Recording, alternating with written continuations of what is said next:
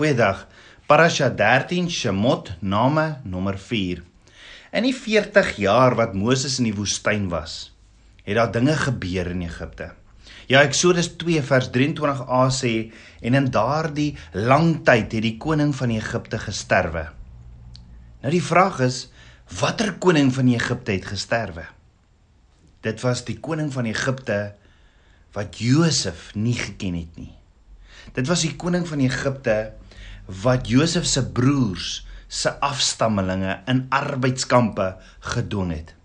Dit was die koning van Egipte wat hulle doodgemaak het en hulle gedryf het onder slawerny. Dit was die koning van Egipte wat besluit het dat alle manlike babas onder 2 jaar wat deur Hebreëse moeders gebore is met geboorte ook met geboorte geslag moes word of in die Nyl verdrink moes word.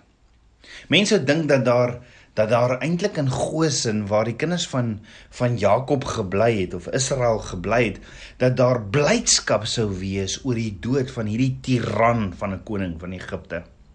Maar dit is nie wat die woord vir ons sê nie. Let wel. As 'n hooggeplaaste in Egipte gesterwe het, dan het alles, die hele land vir 10 dae, amper 4 maande gesluit en almal het geween. Die eerste 40 dae is bestee aan die balsem en dan nog 70 dae die amptelike rouproses volgens Genesis 50 vers 2 tot 3. Net so het die slawe van Egipte of die kinders van Abba Vader gerou en getreur en hoor wat sê Eksodus 2 vers 23 tot 25.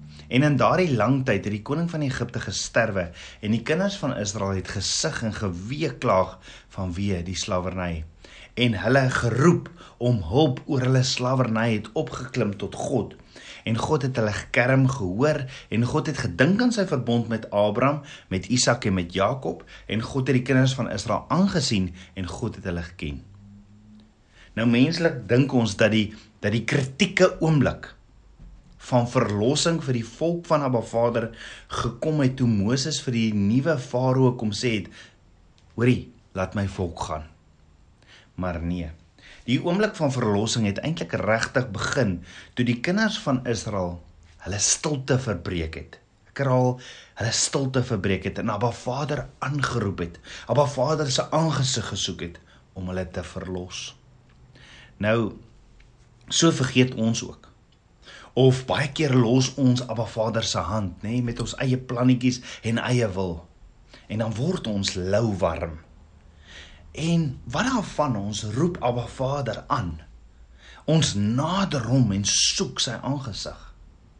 Met ander woorde, daar was 'n probleem en die probleem was nie dat Abba Vader onbewus was van wat met sy volk gebeur het nie, nog minder onsimpatiek.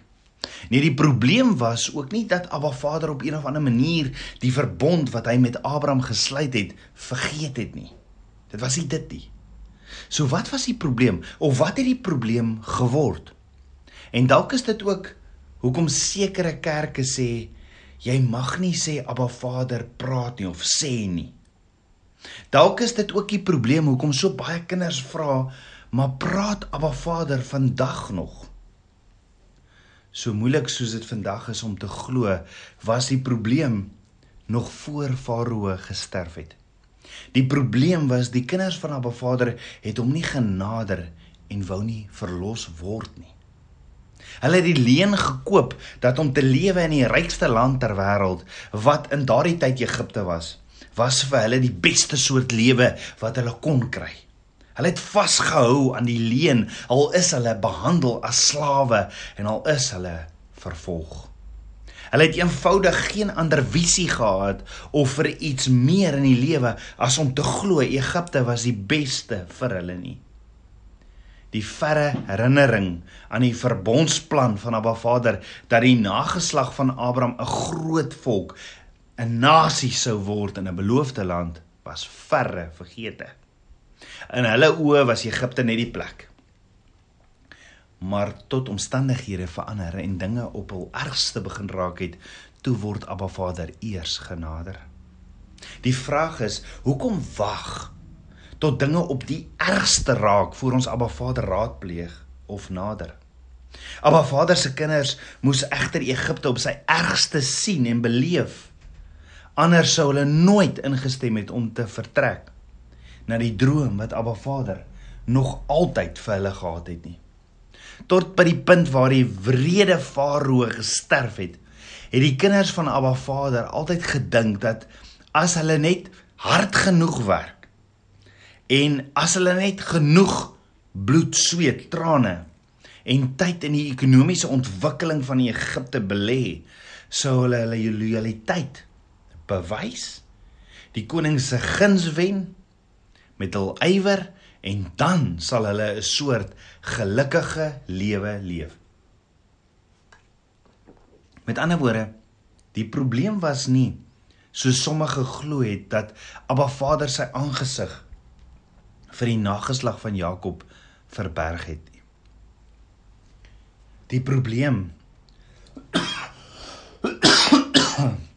Ekskuus tog was dat 'n groot aantal kinders van Abba Vader nooit ooit eers gedink het om sy aangesig te soek nie. Wat nou nog van 'n verhouding met die verbondsgod? Ja, die probleem was dat die meerderheid van hierdie afstammelinge van Jakob bloot geen persoonlike belangstelling gehad het in Abba Vader se verbond nie en daarop geen deel daaraan gehad het nie.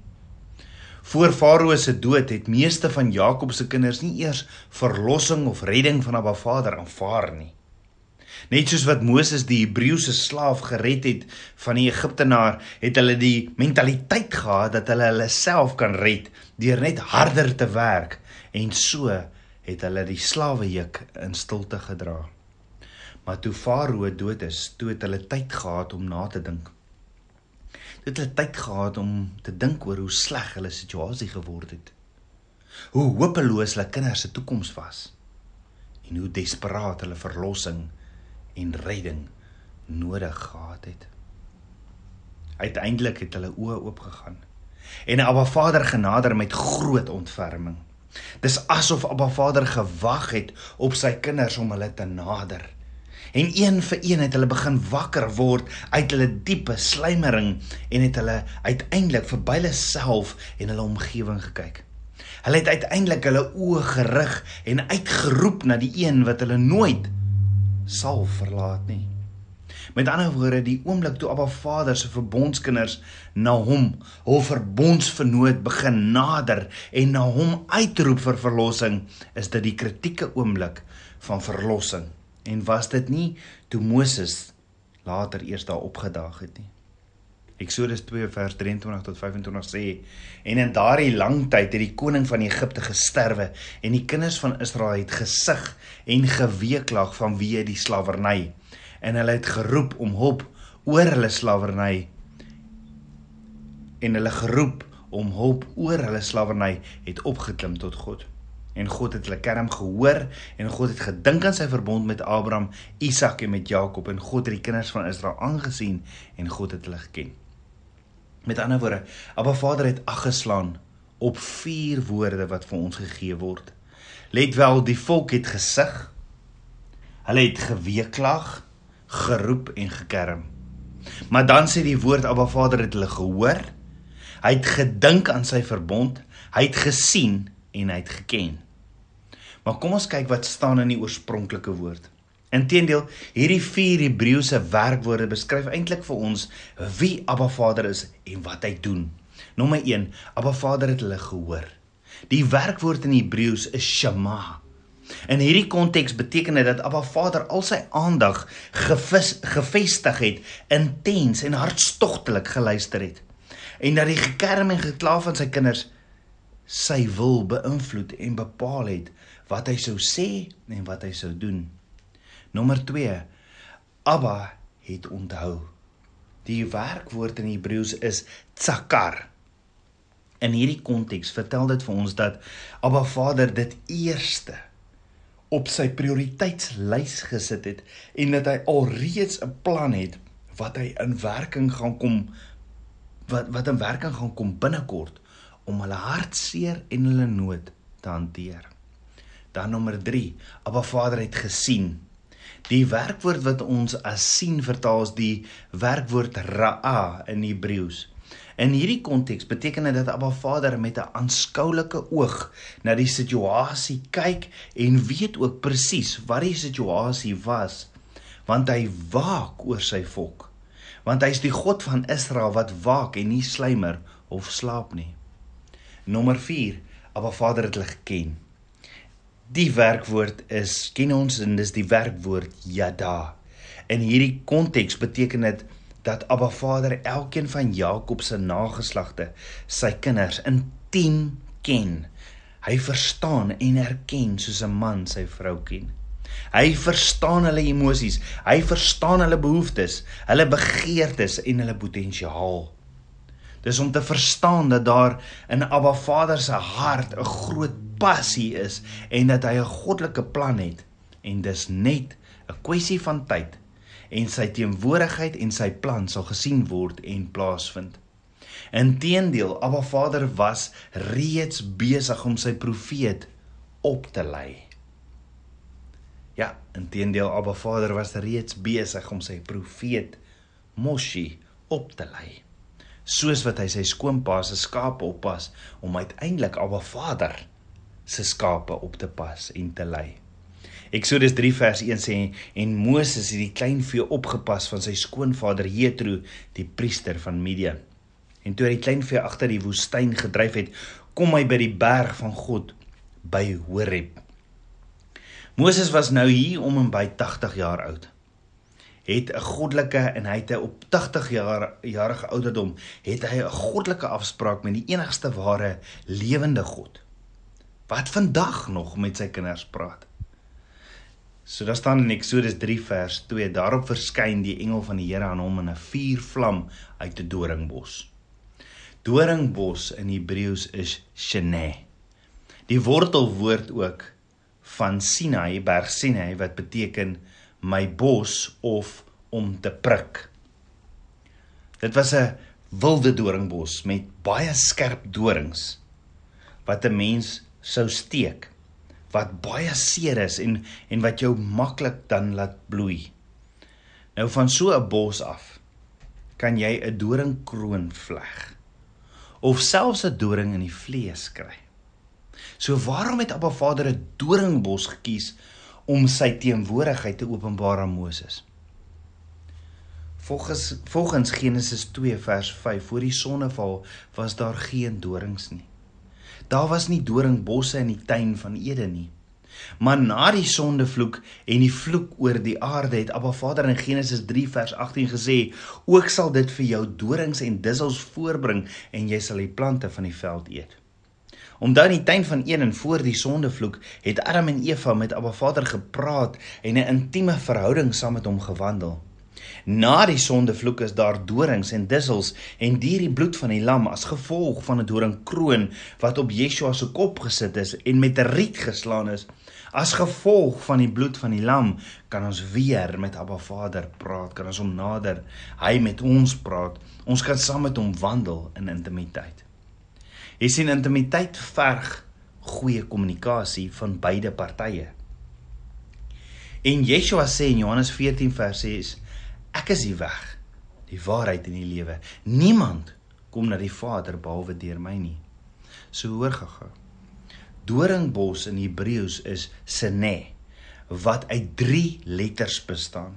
En ons weet die Hebreëse letters teken elkeen vir ons 'n prentjie. Die eerste letter van Sameg se prentjie is iemand wat val en weer opstaan of sterf en weer tot lewe kom. Dis die letter, dis die prentjies van die letter Sameg. Die tweede letter is die Nun. En diese prentjie is iemand wat 'n seun of 'n erfgenaam word. Dan die derde letter is hy. En diese prentjie is iemand wat 'n openbaring gee. Met ander woorde, sit jy hierdie drie prentjies bymekaar van 'n doringbos sê Abba Vader eintlik vir ons Yeshua my seun het gesterf en opgestaan uit die dode sodat ek en jy en ek Rolf 'n seun of 'n erfgenaam kan word om so ook sy stem te hoor en sy openbaringe kan ontvang. En dit is hoe Abba Vader Moses se eerste ontmoeting initieer. Mag Abba Vader mag ons terugkeer, mag ons soos hierdie kinders van Israel sê Vader, ons wil U nader in ons omstandighede in hierdie coronavirus, Vader, en in omstandighede tans in ons land, wil ons U nader. Kom ons bid saam. Aba Vader, koning van my hart, Vader, ek loof en ek prys U. Vader, ek wil U nader met my hele hart. Was my, was my met die waterbad van U woord en kom leef in my. Ek wil saam met U wandel en wil meer en meer van U leer. Dankie dat U met ons praat en dat U ons roep na intimiteitsverhouding en dat U ons so liefhet dat U U enige gebore seun gegee het sodat ek wat in hom glo nie verlore mag gaan nie, maar die ewige lewe kan hê. Dankie Vader. Ek bid dit alles in Yeshua, Hamasieg se naam, die seun van Yahweh. Shalom!